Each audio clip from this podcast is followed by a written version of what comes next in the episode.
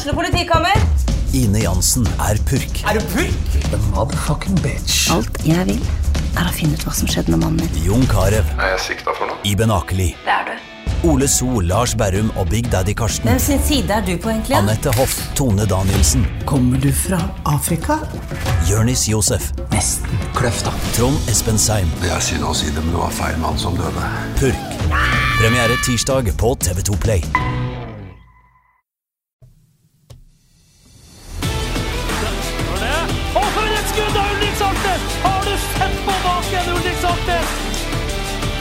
Og så er skåring, og så skårer Bodø-Glimt.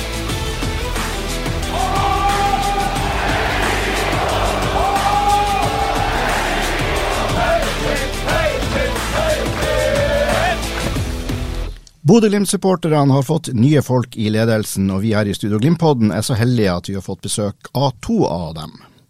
Og hva kan vi vente oss denne serierunden når Glimt skal til Nadderud og møte Stabæk? Velkommen til den 59. episoden av Studio Glimt-podden 2023. Og for et skudd av Ulrik Saltnes! Har du sett på baken, Ulrik Saltnes? Sammen med meg i studio i dag, nyvalgt styreleder i eh, J-feltet, J-feltet. Det er Robert Daffenberg Nilsen Ja, hei. og Mats Gauge. Hallo. Du er nyvalgt talsmann for det samme J-feltet. Det stemmer. Velkommen til deg. Og vi har selvfølgelig med oss en Glimt-ekspert. I dag ingen ringere enn Stian Høgland. Velkommen, Stian. Takk skal du ha. Vi begynner med å snakke litt om uh, J-feltet og, eh, og supporterlivet først. Og I går ble det gjennomført et ekstraordinært årsmøte. Etter at flere tidligere styremedlemmer har trukket seg, så måtte man gjennomføre et ekstraordinært årsmøte og velge, og velge nye. Hvordan er stemninga nå i J-feltet? Robert, du er nå leder og må gi oss en stemningsrapport. Ja, nei, jeg tenker at eh, kanskje vi står enda mer samla. Vi hadde et vanvittig oppmøte i går. Vi kjørte jo både ekstraordinært årsmøte og medlemsmøte i ett. Eh, vi hadde vel en 40 stykk som kom, og det er jo ny rekord. Så det er jo et virkelig engasjement i, i supporterklubbene nå. Men hva vil dere si er J-feltet sine største utfordringer? Er det, hva, hva det er som egentlig Går alt bare bra med dere som det gjør med, med, med laget på banen? Ja, Utfordringa i det siste er jo at det har vært sittet to stykker i styret, og det har vært ganske mye jobb på oss som satt fra før av. Men uh, nå når vi får nye folk inn, så er det jo på tide å se framover og tenke på hva vi har lyst til å få til. Ja, altså En annen utfordring er rett og slett å prøve å kanalisere det enorme engasjementet som er nå. For Det er et moment som er nå, å prøve å gripe det. Og Det var veldig bra oppmøte på disse møtene vi har hatt. Og det har også vært veldig bra oppmøte på pub, altså den Besiktas-kampen. Mange er enige om at det var den beste kampdagsopplevelsen som har vært omtrent i Bodø. Mm. Altså Det var utrolig god stemning i supportertog, på stadion, på puben. Så det å bruke det engasjementet som er nå, det er nok veldig viktig å, å bruke det på rett måte framover. Det har tidligere vært en del snakk om uh, kommunikasjon mellom J-feltet og klubben. Hvordan ser den, uh, eller høres den ut nå, uh, Robert? Nei, nå er vi jo i gang, da. allerede i går kveld så har vi hatt kontakt med styret i Glimt, og vi har nå invitert dem på, på, en pizzakveld og en litt sånn bli kjent-kveld med de nye. Så venter vi bare på, på et svar. Tom Cato skulle ta det videre med resten av styret, så jeg ser positivt på det. Hmm. Så jo allerede på Besiktas-kampen, som du nevner, Mats, enorme stemninger som var på, på Bådin. Da var det jo registrert at det var en del supportere som satt i lag med styret allerede da, så det har skjedd noe, kanskje. Kommer folk uh, utafor supportermiljøet, altså vi som på en måte sitter ved siden av, og sånt, kommer vi til å merke noe på at nå har J-feltet fått ny ledelse? Det er vel ikke helt sikkert. Eh, kanskje på sett og vis. Um, vi vil jo prøve nå å få til en mer fruktbar dialog med klubben. Og sånn Generelt sett så det det, handler det om at supportere forstås som en ressurs og ikke et, som et problem. Og Det har man jo kanskje hatt følelsen av at har vært litt synet på i hvert fall deler av supportermiljøet i klubben.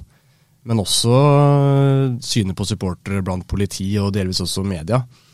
Um, det er utrolig mye bare, bare, tenk på f.eks. hvor mye frivillig arbeid som supportere gjør i forbindelse med TIFO og sånn. Det er uh, utrolig mange timer som går med på å bringe ære, ære, på klubben. Og det er jo den samme type frivilligheten som gjør at folk kan uh, spille håndball eller basket eller hva som helst i barneidretten. Så det er veldig mye ressurser i supportermiljøet, og det tror jeg mm, er veldig viktig at, at både klubben og kanskje andre aktører begynner å, å forstå litt mer. Mm. Føler dere at dere får eh, Eller du sier jo egentlig det, at dere kanskje får litt for lite kred, da, rett og slett, for det, for det engasjementet og det arbeidet dere legger ned? Ja, det, det, blir jo litt sånn. Det, er, det, gjelder jo ikke bare Bodø, men mange andre byer også. at Når man først skriver om supportere f.eks. i media, sånn, så er det ofte noe negativt. Um, og en ting jeg har lagt merke til, er jo ofte når når Glimt har disse kampene i Europa, så har man ofte laget sånne saker uh, Der må jeg rette en liten pekefinger til AN. At man har mm. laget litt saker på liksom, dette er bortesupporterne, og de er så og så farlige. Og så har man intervju med politimester dagen etter om hvordan det gikk, på en måte. Eh, men, men det er så mye mer enn en, en, en pøbelskap, på en måte. Det er, det er samhold, det er identitet, og det er eh, ganske problemfritt, vil jeg si. Det har jo ikke vært noe, noen store problemer eh, med E-feltet på mange år. Så det er mm. klart Dette her er eh, stort sett veldig bra folk som gjør veldig mye for klubben, og som fortjener å trekkes litt opp. da. Mm. Vi, eh, vi, har lagt merke til det også på, eh, som, si, som ikke-supportere, men på Aspmyra, at nå synges det bra, det skapes liv over det hele. Det aner meg at, Og det skyldes jo, det ser jeg jo, det skyldes jo veldig mye den jobben som J-feltet gjør. Er dere fornøyd nå med hvordan resten av Aspmyra på en måte ser ut til å hjelpe dere med den stemningsskapende synginga og det arbeidet dere gjør, Robert? Ja, det har kommet seg veldig. Eh, absolutt. Det har det. Og vi ønsker jo å, å, fortsette at det kan bli enda, enda bedre. Og eh, spesielt kult når vi har fått en som går og, på tvers av stadion, der uh, vi synger og de svarer. Og den er meget fin. Jeg må si, si, bare akkurat det du sier der. for Vi sitter jo inne på motsatt side av E-feltet, så vi har jo hørt E-feltet i alle år, men, men, vi har jo selvfølgelig de som sitter rett foran oss, veldig mye bedre. Eh, og det er, jeg tror Glimt i forhold til Jeg reiser på ganske mange arenaer rundt omkring i Norge, og Glimt har noe unikt der nå som er i ferd med å skje. Det at hele stadion begynner å bidra. For det Vi har sagt det før her i, i Studio Glimt-podden, at det er ikke alle som tør å røyse seg opp og stå og synge og, og, vifte og, og være holdt på å si, de toppsupporterne.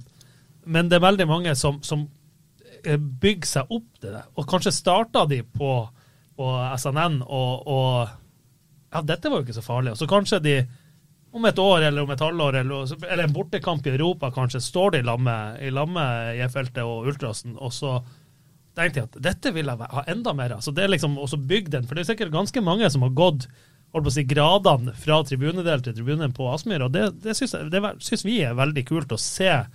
Liksom, og som du sier, Robert, den, i forhold til det å få med hele stadion synge fra side til side. Råkult og ja. Mm. Mats? Ja, jeg, jeg, reiser en del og ser på fotball, og det gjør jo dere òg. Og klart, det er som Stian sier, det er ganske unikt altså, det som skjer på Aspmyra. Det er ikke mange steder man ser at folk står eh, store deler av kampen på langsidene og svinger skjerf og sånn. Det, det, er faktisk ganske unikt. altså. Mm. Eh, Vålerenga, som er ekstremt opptatt av å rakne på Glimt-supporterne for at Ja, hvor mange av de som var på uh, Intility i semifinalen, sang? Hvor mange, men sånn, det er jo samme. Så på Intility sitter to langsider som sitter helt dørge i ro og klapper. Sånn som Aspmyra-publikum får, får, uh, får, kritikk for. Og det var jo ikke 2000 medlemmer i E-feltet som var på, var på Intility, eller Glis for den saks skyld, som var på Intility. Det, det kan vi være enige om. Altså, nå, Det er ikke for alle å, å, å slippe seg fullstendig løs. Jeg hadde ikke tort det, f.eks. for eksempel. Uh, så, så, jeg syns de fortjener absolutt all mulig ros for, for den der, og at de blir flere og flere. Så har vi også hatt en veldig sånn mange kule turer ute i Europa nå. Og der, når man er på bortekamp i Europa, så er jo alle i lag. Og det tror jeg også kunne vært med å hjelpe folk litt i gang, når den vanlige mann i gata kommer og blir med på bortekamper og får stå i lag med. Mm. Det føles eh, som en enhet. da. Altså, det å reise på bortetur er veldig sånn kulturbyggende. Klart, og Det har det vært mye av i det siste, så det er mange som har eh, fått opp øynene for det. Og så er det en annen ting som kjennetegner Glimt-supporterne, er at det er veldig inkluderende og åpent. altså Det er, det er alle aldre, det er eh, kvinner og menn, det er barn. altså Det ser man også veldig sjeldent. Eh, mm. Særlig utenfor Norges grenser, at det er så sammensatt uh, supportermiljø. Ikke minst antall kvinner tror jeg Glimt må være i, i verdenstoppen. Altså det, det der, der, er de, der er rå, rett og slett. Og Det bringer meg over til et eh, spørsmål jeg er nødt til å stille. kan jeg kanskje til deg som talsmann. da, Mas. Det er det at eh, Dere har da prestert å velge et styre på åtte personer, sju i styret og en vara. Og alle er mann, mannfolk. Hva er det slags eh, opplegg i 2023? Ja, det finnes alltid noe å kritisere, som man sier. Nei, det, det, var ikke for å være ærlig, det var ikke noe stort tema på møtet i går at det, det var bare menn som ble valgt inn. Eh, det var jo en valgkomité som kanskje bedre kan svare for om de vurderte noen kvinner, eller om det var noen kvinner som, som meldte seg. Der har jeg et ganske enkelt svar på det. Jeg snakka med valgkomiteen på eh, onsdag, og de, det var rett og slett ingen som hadde meldt seg. Vi hadde et par navn på blokka som kunne være aktuelle, men ingen har meldt seg. Men eh, det er jo selvfølgelig Det hadde jo vært kult å ha noen jenter inn, men vi har jo nettopp hatt en leder i, i flere år som har vært dame, så det er ingen kvinnefiendtlighet på J-feltet. Nei, Det er klart, altså, det er ikke mange supporterklubber som har hatt kvinnelig leder. Jeg tror kanskje Glimt er den eneste. Så, og som sagt så er J-feltet veldig sammensatt og inkluderende, så jeg tror ikke det er noen som ser på det som et problem. Men bør dere, bør dere, ikke, med all respekt, jobbe litt for å øke kvinneandelen i et, eh, et styre for en supportklubb som skal favne alle, og som eh, ikke minst skryter på seg at nå har vi masse damer engasjert som supportere? Så ser det jo unektelig veldig rart ut at dere er åtte mannfolk som styrer der. Ja, om det ser så rart ut, det får være opp til hver enkelt, men det er klart Du syns ikke det? Nei, altså det, det, det, er som Robert sier, det har sine grunner. Man har nok prøvd på, på, dette her uten at det har vært noen som har meldt seg. Men det er klart, får man inn en kvinne eller to eller tre framover, så, så, er det bare positivt, det. ja, skulle tro det. Hva vil dere at, at J-feltet skal være fremover? Skal det være en, en samla enhet? Eller skal det kry av undergrupper som kanskje ikke trekker nøyaktig samme retning? Jeg vet ikke om det er talsmannen eller om det er lederen som skal uh, ta det her først. Jeg kan jo starte med å si at uh, vi er jo vanvittig voksende uh, supporterklubb. det er det jo generelt i norsk fotball. supporterklubber vokser stort sett over hele landet. Uh, Vårt største problem der per nå er jo det at vi ikke har plass til alle. J-feltet er utsolgt, og vi har ikke plass til de som har lyst til å komme inn. Mm. Eh, så plassen er jo noe vi tenker på. eh, og J-feltet er samla, og alle er velkommen uansett hvordan gruppe du er med i. Ja, så tror jeg altså det er viktig å, å, å påpeke at det at J-feltet skal stå helt samlet om alt, det er nok en utopi. altså det ser man alle steder hvor supportermiljøer vokser kraftig, så vil det automatisk bli undergrupperinger. Og det behøver kanskje ikke å være så gærent, det? Nei, altså, sånn er det nødt til å bli også. Det kan være fint. Da får man uh, noen som utfordrer uh, kulturen litt også. Og klart, jo flere som er på E-feltet, jo større supportermiljøer blir, så vil det være noen som vil gjøre ting litt på sin egen måte. Mm. Uh, og det er det tenker jeg bare er positivt. Så, så lenge vi har en god dialog med alle undergrupperingene. Nå er det ikke så mange av de foreløpig, men uh, vi snakker godt sammen, og det er ikke noe problem, det. altså. Mm. Men, men, der kan jo kanskje dere som er litt mer opplyste enn en kanskje menigmann, sånn ultrasmiljø. Altså, for det høres jo veldig sånn Når vi hadde besøk av, eller Glimt hadde besøk av uh, Dinamo Zagreb, uh, ultrasmiljøet deres går rundt i Milano noen uker etterpå med nazihilsen, og det er jo det man jeg tror kanskje man i gata forbinder med når de hører ultras. Det blir litt som du hører hooligans. At det, dette er folk som kun går rundt og skal rasere butikker og, og, og gjøre faenskap. Men ultrasmiljøet til Bodø-Glimt er jo overhodet ikke der.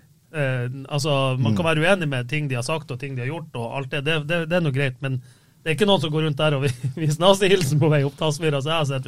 Kan, kan forklare liksom, hva er forskjellen på, en, holdt på, å si, på et ultrasmiljø og et fotballsupporter, eller altså, Er det forskjell? Forklar det for en, for, en, for en, som ikke forstår noen ting. Ja, altså Ultra er bare en samlebetegnelse på eh, ekstra lidenskapelige supportere, som gjerne har eh, veldig tett, eh, tette bånd seg imellom, og, og eh, kler seg opp på spesielle måter og sånn. Um, og i Norge så er det nok også en sånn merkelapp på de som sto i bresjen for en mer sånn kontinental supporterkultur, uh, i motsetning til den engelske hvor f.eks. pyro og, og, TIFO og sånne ting er sentrale elementer. da. Så i, i Norge så er det, har ingenting med eh, spesielt utagerende atferd eller aggressivitet eller noe sånt å gjøre i hele tatt. Eh, det er rett og slett bare eh, en ekstra lidenskapelig gjeng. Mm. Du nevnte pyro og sånt. Eh, eh, kommer det til å skje noe bevegelse i denne bluss, evinnelige blusshistorien og, og Aspmyra? Det får vi jo se. Vi håper jo kanskje det. Vi skal kanskje ikke gå for mye inn på sånne enkeltsaker før vi har snakket med klubben om det, men, eh, Men det er vel ikke egnet til å overraske at uh, vi vil se litt på sanksjonsreglementet og pyro og sånt, hvor Glimt skiller seg veldig ut fra alle andre, og der må det være mulig å få til uh, mm. noen kompromisser etter hvert. Uh, folk er kanskje litt nysgjerrige på liksom, hvem er dere? Hva, altså, sivil, hva, hvorfor, Det er greit at dere er veldig engasjert i Glimt, men hva er det som, hva dere holder på med ellers? Hvem er, hvem er du, f.eks., Robert? Nei, jeg er en helt vanlig mann i gata, her òg, egentlig. Med to barn og jobb som fagarbeider i barnehage og samboer og ja. Har uh, unger på fotballtrening, har unger på skitrening og er nå stort sett engasjert i lokalmiljøet, så jeg, jeg, føler meg ikke noe veldig spesiell bare for at jeg er med i J-feltet, annet enn at det er veldig kult å kunne bidra til stemning på Aspmyr. Du da, Mats? Ja, jeg er fra Halden. Ja. Så Der er det jo Kvikk Halden som er laget. Eh, gamle laget til Kent Bergersen og Briss. Mm f.eks. Så Nei, jeg visste egentlig ingenting om Bodø, bortsett fra Bodø-Glimt, før jeg flyttet opp hit uh, i høsten 2018, var det vel. Um, for å skrive en doktorgrad på universitetet uh, innenfor idrettssosiologi, da. Så nå jobber jeg som førsteamanuensis på universitetet og har bl.a. fotballsupportere og forholdet mellom klubb og supportere som et av de sentrale forskningsfeltene. Så jeg har litt faglig interesse i dette her òg, men det er klart eh, jeg anser meg som Glimt-supporter. Jeg har jo blitt sugd inn i dette supportermiljøet etter hvert, jeg også. Sjøl om du har den dialekten du har? ja, det, det, er som sagt et veldig inkluderende supportermiljø, ja, så det går bra. Jeg vet at det er mange i Halden som er glad i Glimt, så det, jeg, har, jeg har mye venner i Halden som er, kan kle seg i gult. Ja, Kvikk Halden er jo heller ikke noen sånn direkte konkurrent, tenker jeg, så enn så lenge så går det nok greit. Uh, vi representerer jo ei avis, Stian, og vi har jo lagt merke til at J-feltet opp gjennom årene av og til har et ganske sånn lunkent, for ikke å si ganske kaldt forhold til, eh, til media. Ikke bare AN, men andre aviser. Og det syns jo ikke vi noe om, det, men jeg kan jo også godt forstå det et, etter enkelte saker. At, uh, men kommer dere til å, til å ha et åpent og, og være tilgjengelig for media nå fremover? Ja, det er vel litt tanken med den nye rollen min da, som talsmann, at man skal være veldig tilgjengelig.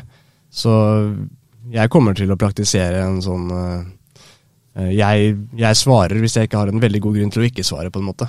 Mm. Uh, og Vi tror også det har mye å si for at det, det gemene hop i Bodø skal forstå litt mer av supporterne. At uh, de kan lese i avisa og intervjuer med oss og, og få litt mer innsideinformasjon. Tror vi kan være veldig, veldig fornuftig. For det er klart, det er litt sånn selvforsterkende hvis supportere beskrives som pøbler og sånn, så, så, blir det fort en oppfatning som, som setter seg òg. Mm. Vi tror at uh, ved å spre litt mer informasjon, så kan folk også uh, endre litt syn på supportere. Der kan jo jeg si litt som, som, journalist at det har vært egentlig litt sånn frustrerende i perioder. Sånn, for ja, vi kommer til å skrive hvis folk blir utestengt på Aspmyra. Altså, det er samme som vi, vi, skriver jo flere ganger i uka at folk mister lappen for å kjøre for fort.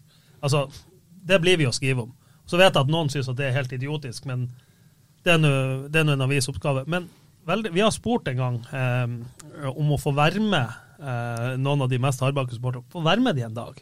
Eller få være med på kamp. Vi hadde satt dem, og så fikk vi en melding som to timer. Nei, vi vil ikke. Og det, det er selvfølgelig et privilegium, men sånn, hvis det kun blir eh, de negative sakene som kommer frem, og hver gang man liksom prøver, prøver det, Selvfølgelig, det ble stilt opp når dere fikk lokale til lag TIFO, ikke sant, men altså det å være tilgjengelig og også, for da vil man jo også kanskje få med frem mer av den positiviteten som skjer. Eh, så det har jo jeg veldig trua på.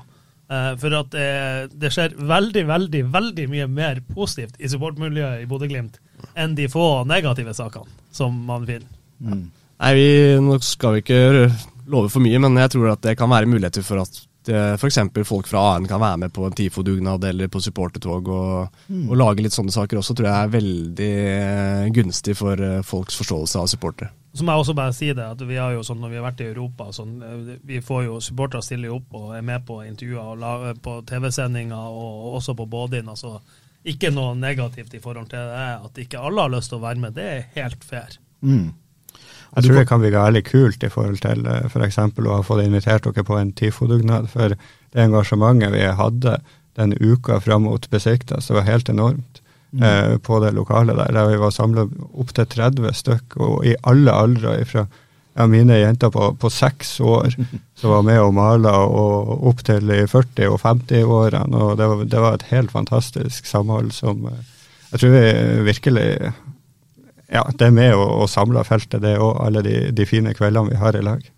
Ja, Vi lever jo i ei fantastisk tid, vi som er glad i Bodø-Glimt. Det må vi bare kunne, kun slå fast ja. eh, enkelt og greit. Men er det da sånn, Robert, sånn avslutningsvis om, om Jefelt, er det da sånn at du som leder av Jefelt kommer bare til å, hvis det skulle skje et eller annet, og media er på jakt etter informasjon, så bare henviser du direkte til talsmann, eller kommer du også til å være Ja, jeg blir jo henvist til talsmann, men uh, klart uh, jeg er leder, og selvfølgelig kan jeg, kan jeg si noe hvis dere lurer på noe. Det, det svarer jeg jo på, jeg òg.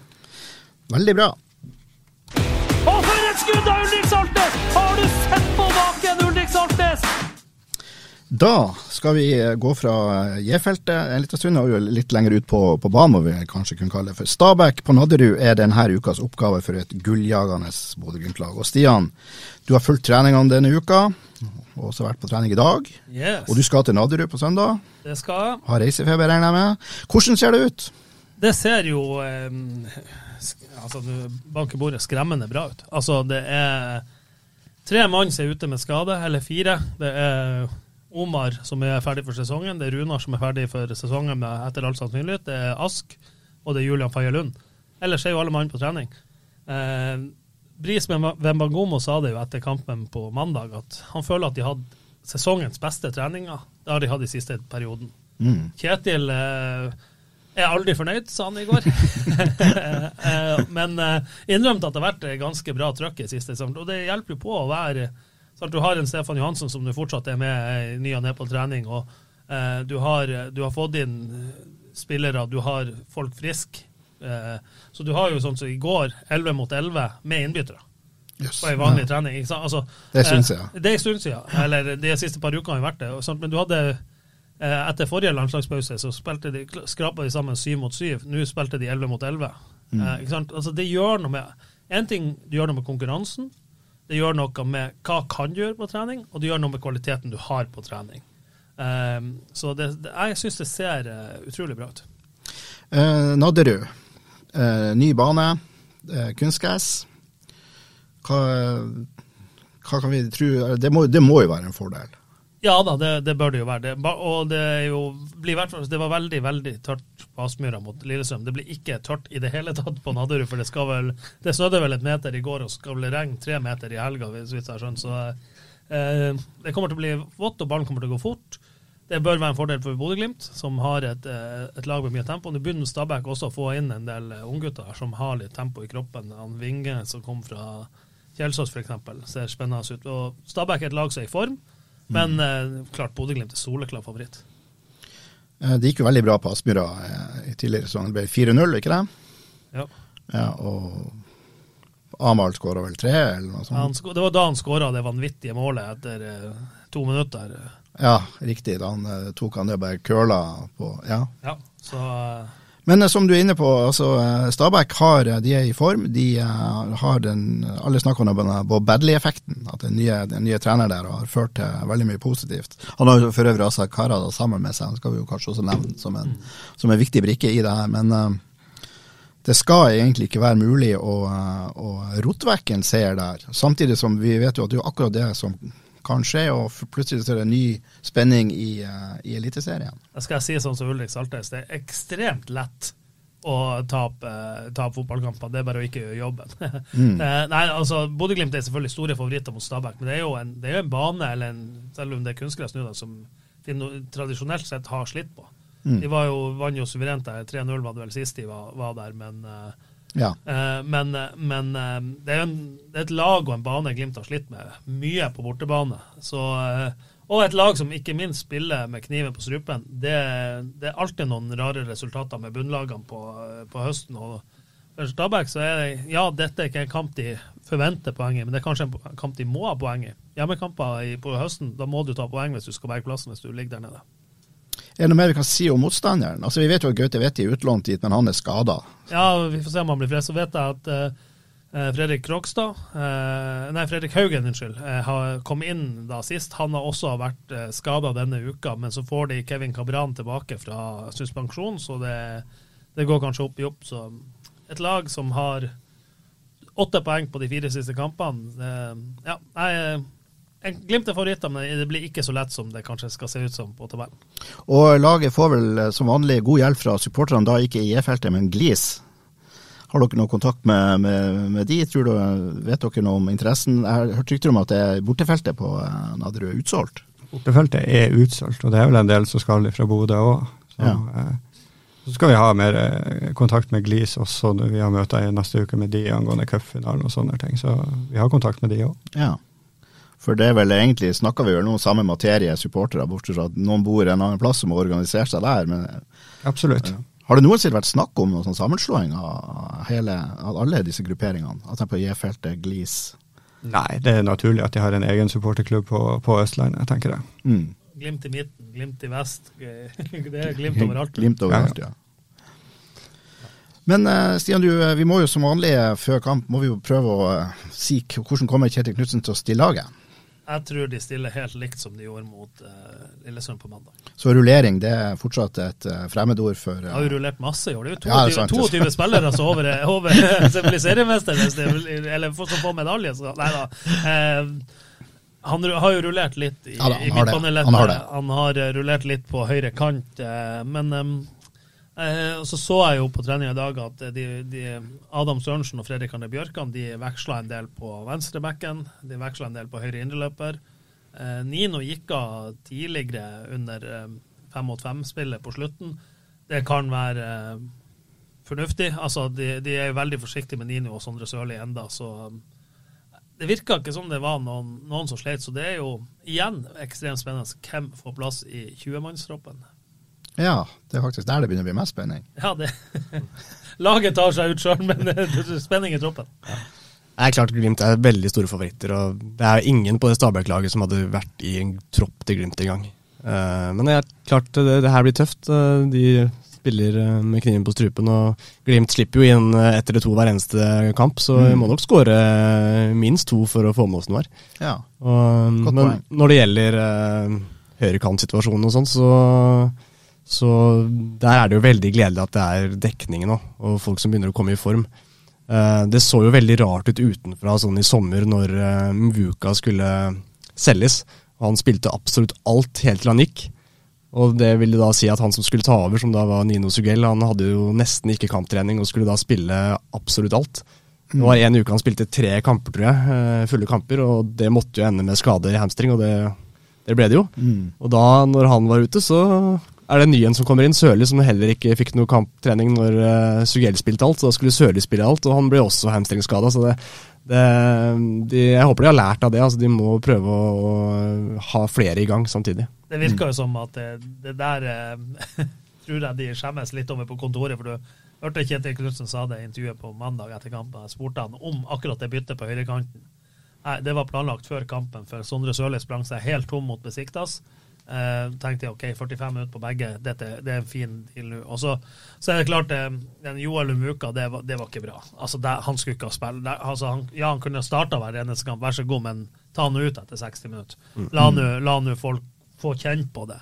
Um, klart, nå var Nino også skada, hamstringsskada i, i tidlig i sesongen. Um, men eh, ja, det der var ikke Det var vel ikke det beste arbeidet som har vært gjort på trenerkontoret. Men dra nå laget, for de som ikke husker eh, hvordan vi stilte på, eh, på mandag. da. Nikita, Bris, Brede, Odin, Fredrik André. eh, Ulrik, Patrick, Albert, Sondre Sørli, eh, Faris og Amal. Det er Ja. mitt tips. Ja. Og så får vi da se etter hvert hvem som blir med den stallen. Det som var litt overraskende sist, var da, da var Martin Lode plutselig Nei, unnskyld, Marius Lode plutselig ikke med på, i tropp engang. Det Ja. var jo eh, Jeg tipper han var ikke spesielt fornøyd med det. Nei, det får vi for guds skyld håpe at han ikke var. For da, da kan han like gjerne sette fra seg skoene på kontoret og, eller garderoben og gå. Eh, for eh, det er klart Marius Lode var på landslaget for et år siden. Altså, klart han skal ikke være fornøyd med å ikke være i en 20-mannstropp for Bodø-Glimt. Men hvis han kommer med i troppen nå, hvem tror du går ut? Nei, Det er jo veldig spennende. Det, det kan være en offensiv spiller som går ut. Eh, Det kan være at en, I og med at du nå har den dekninga med Sørli, eh, Nino, du har eh, Gulliksen kan spille kamp, du har- og så har, du- har du Pelle. Bassi var med sist òg. Ja, så det er kanskje det, han jeg tenker kan ryke. For jeg tror ikke de gjør noe i midtbaneleddet, for der er ikke så mye dekning. Men de har med seg like mange spillere til kamp borte som hjemme? De, av og til har de 19, av og til har de 20. Så det kan hende at de, de tar, en, tar, en, ekstra, at de tar 20 for at det ikke, ikke skaper noe ekstra dårlig stemning. Og når kan AN-leserne få vite ut i troppen, da? Nei, Forhåpentligvis i løpet av lørdagen, men uh, da er vi avhengig av at noen gjør meg den, for jeg er i Oslo, da. Okay.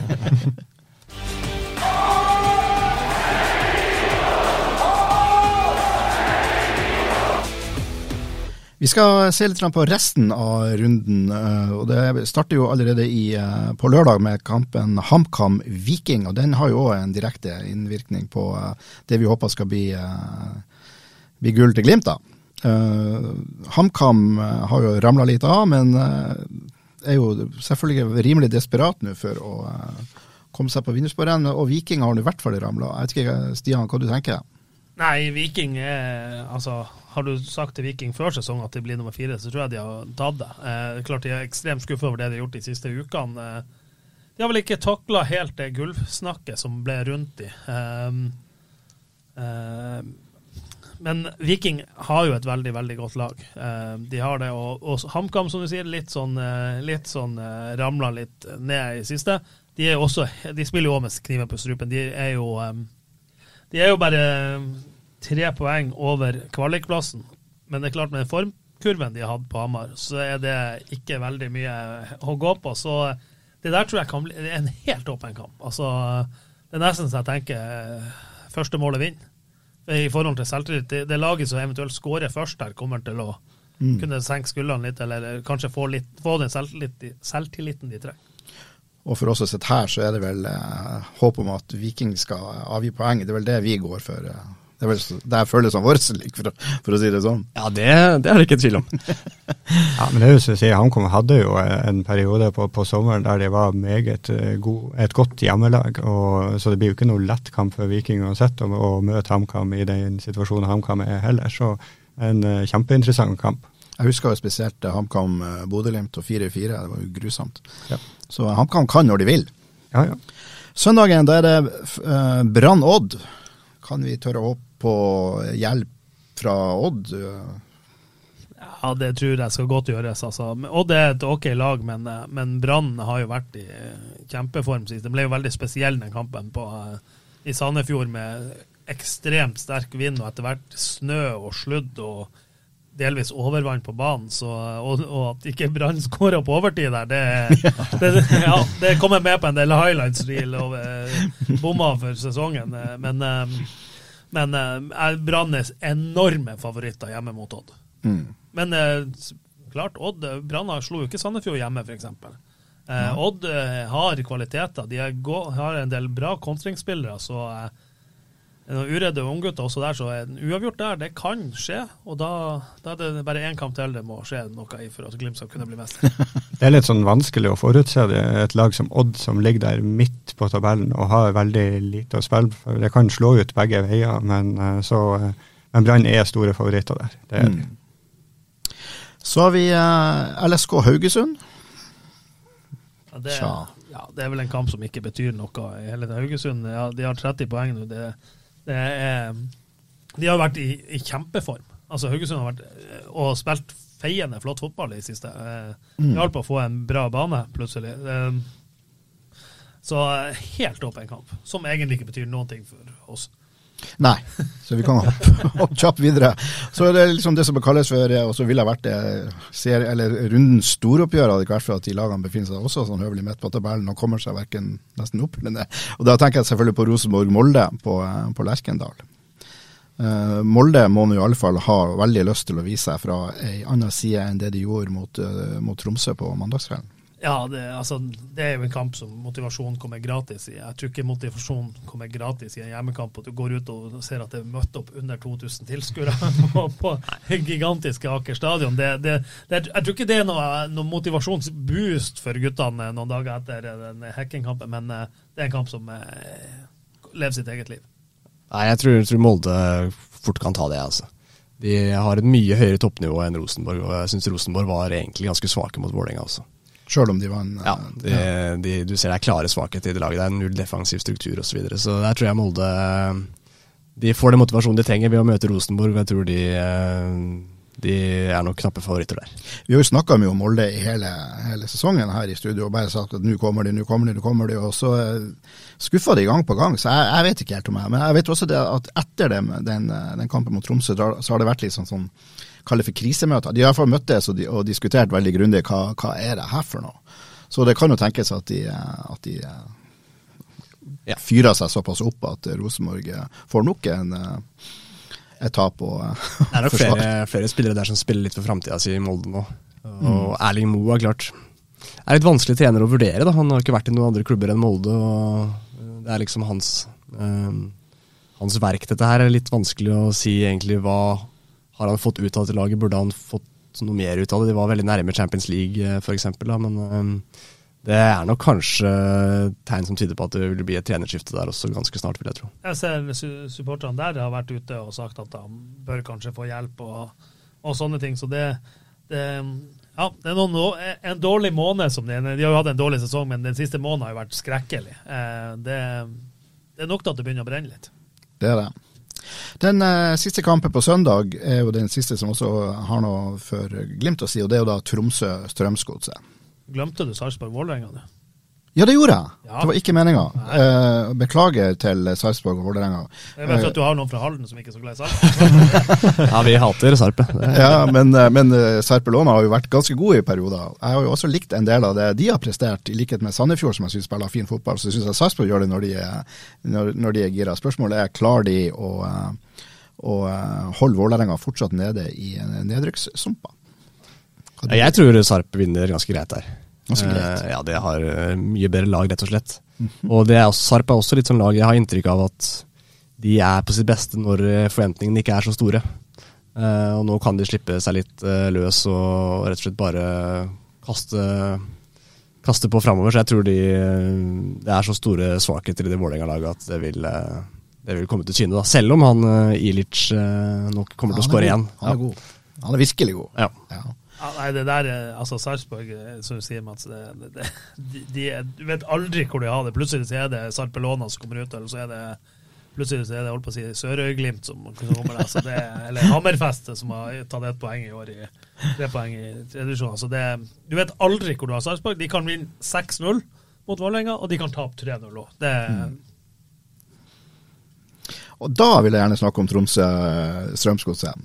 Um, og uh, Tromsø imponerte jo på, uh, må vi jo kunne si, i hvert fall resultatmessig. Men, ja, men det har også vært litt typisk Tromsø å, å, gjøre det godt i disse storkampene. da. Uh, og så har de vært uh, verre mot svakere lag. altså De tapte jo hjemme mot Ålesund f.eks. Så det her uh, er ikke helt gitt. altså Strømsgods òg har kommet seg, har gode opplevelser. Nå slo Viking hjemme. kan absolutt få med seg noe her, tror jeg. altså. Mm. Ja, det, altså Hvis Glimt skal kunne bli seriemester, så må jo Tromsø tape denne kampen. Uh, ja, Hvis vi skal bli seriemester denne helga. Denne helga, ja. denne helga det må viktig ja. å påpeke. Uh, uh, jeg tror jo Tromsø tar det. Det er så høytflyvende nå, men jeg er helt enig med Mats at de, den, den, hjemmekampen mot Ålesund Takk for den, Ålesund. For den mm. var Det var et lyn fra klar himmel. altså det de burde, det er vel en av de få kampene de burde ha vunnet i år, som de ikke har vunnet. så Tromsø ja, imponert mot Molde. Jeg eh, håper de kommer litt ned på jorda, for jeg eh, trenger ikke å få de noe nærmere Glimt i helga. Nei, det er jo akkurat det vi, vi ser for oss kanskje i sånn worst case-scenario. Ok, og så er det en kamp på mandag. Det er Ålesund-Sandefjord. et skikkelig bunnoppgjør. Hvis Ålesund taper der, så er det vel 100% garantert, og sånn at de ikke kan Ja, og jeg tenker jo det at Ålesund de rykka jo ned allerede med forrige helg med stortappet de hadde der. Hvis ikke så hadde det jo vært en meget eh, interessant kamp eh, altså, hvis, og fulgt. Hvis eh, Ålesund vinner i helga, så har de 21 poeng. Og hvis det går sånn som så Mats tror at Sarpsborg slår Vålerenga, så er det jo tre poeng opp til Vålerenga på kvalik. Så det er jo Toget går for Ålesund nå i helga. Ja. Altså, altså, så enkelt, ja. ja. Eh, og da kan det vel be, bli beseila på Aspmyra neste helg både første lag ned og seriegull hvis Glimt gjør jobben i helga. Ja, Det er en veldig viktig kamp for Glimt, fordi hvis Ålesund uh, har rykka ned nærmest på, før de kommer hit, så er det klart Da, det blir en helt annen kamp enn hvis Ålesund faktisk aner noe håp. Så det tror jeg er en minst like viktig kamp for gullet som Tromsø-Sandefjord. Eller Tromsø-Godset. Så har du den rekka til Sandefjord med de her knepne tapene. Nå er det jo virkelig tid for de å, å vinne noen kamper. Det syns jeg nesten de har fortjent. Med, for de har spilt mye god fotball i det siste uten å få veldig godt betalt for det. De har jo knapt tapt en kamp med mer enn ett mål. Det, det var 5-2 mot Glimt der i sommer, men, ja, ja. som ble en spesiell kamp. da, Men, men ellers har de jo vært nært i alle kamper. Ja. Og for et skudd av Ulrik Saltnes! Har du sett på baken, Ulrik Saltnes? Da skal vi avslutte denne episoden av Studio Glimt-podden. Tusen takk til, til, deg, Robert, du er nyvalgt leder i J-feltet. Og takk til deg, Mats, som er nyvalgt talsmann. Ja. Og det er en veldig bra tittel i et så mannsdominert styre. ja, det skal du få. og eh, selvsagt takk til deg også, Stian Høgland. Men viktigst takk til deg som hører på, og ny episode kommer på tidlig ettermiddagen på mandag. Ha det godt.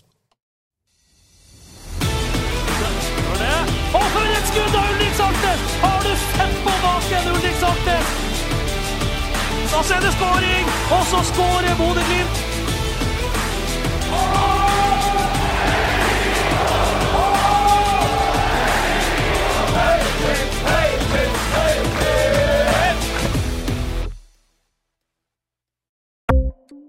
Ukens annonsør er Hello Fresh. Hello Fresh er verdens ledende matkasseleverandør og kan være redningen i en travel hverdag. Mange av oss har nok vandret i butikken både sultne og uten en plan for middagen, som ender med at vi går for de samme kjedelige rettene gang på gang. Middag burde være dagens høydepunkt. Som Hello Fresh kan du nå velge mellom 25 ulike retter hver eneste uke, eller få Hello Fresh til å sette sammen menyen for deg. Dette gir deg muligheten til å prøve nye og spennende retter alene eller sammen med familien.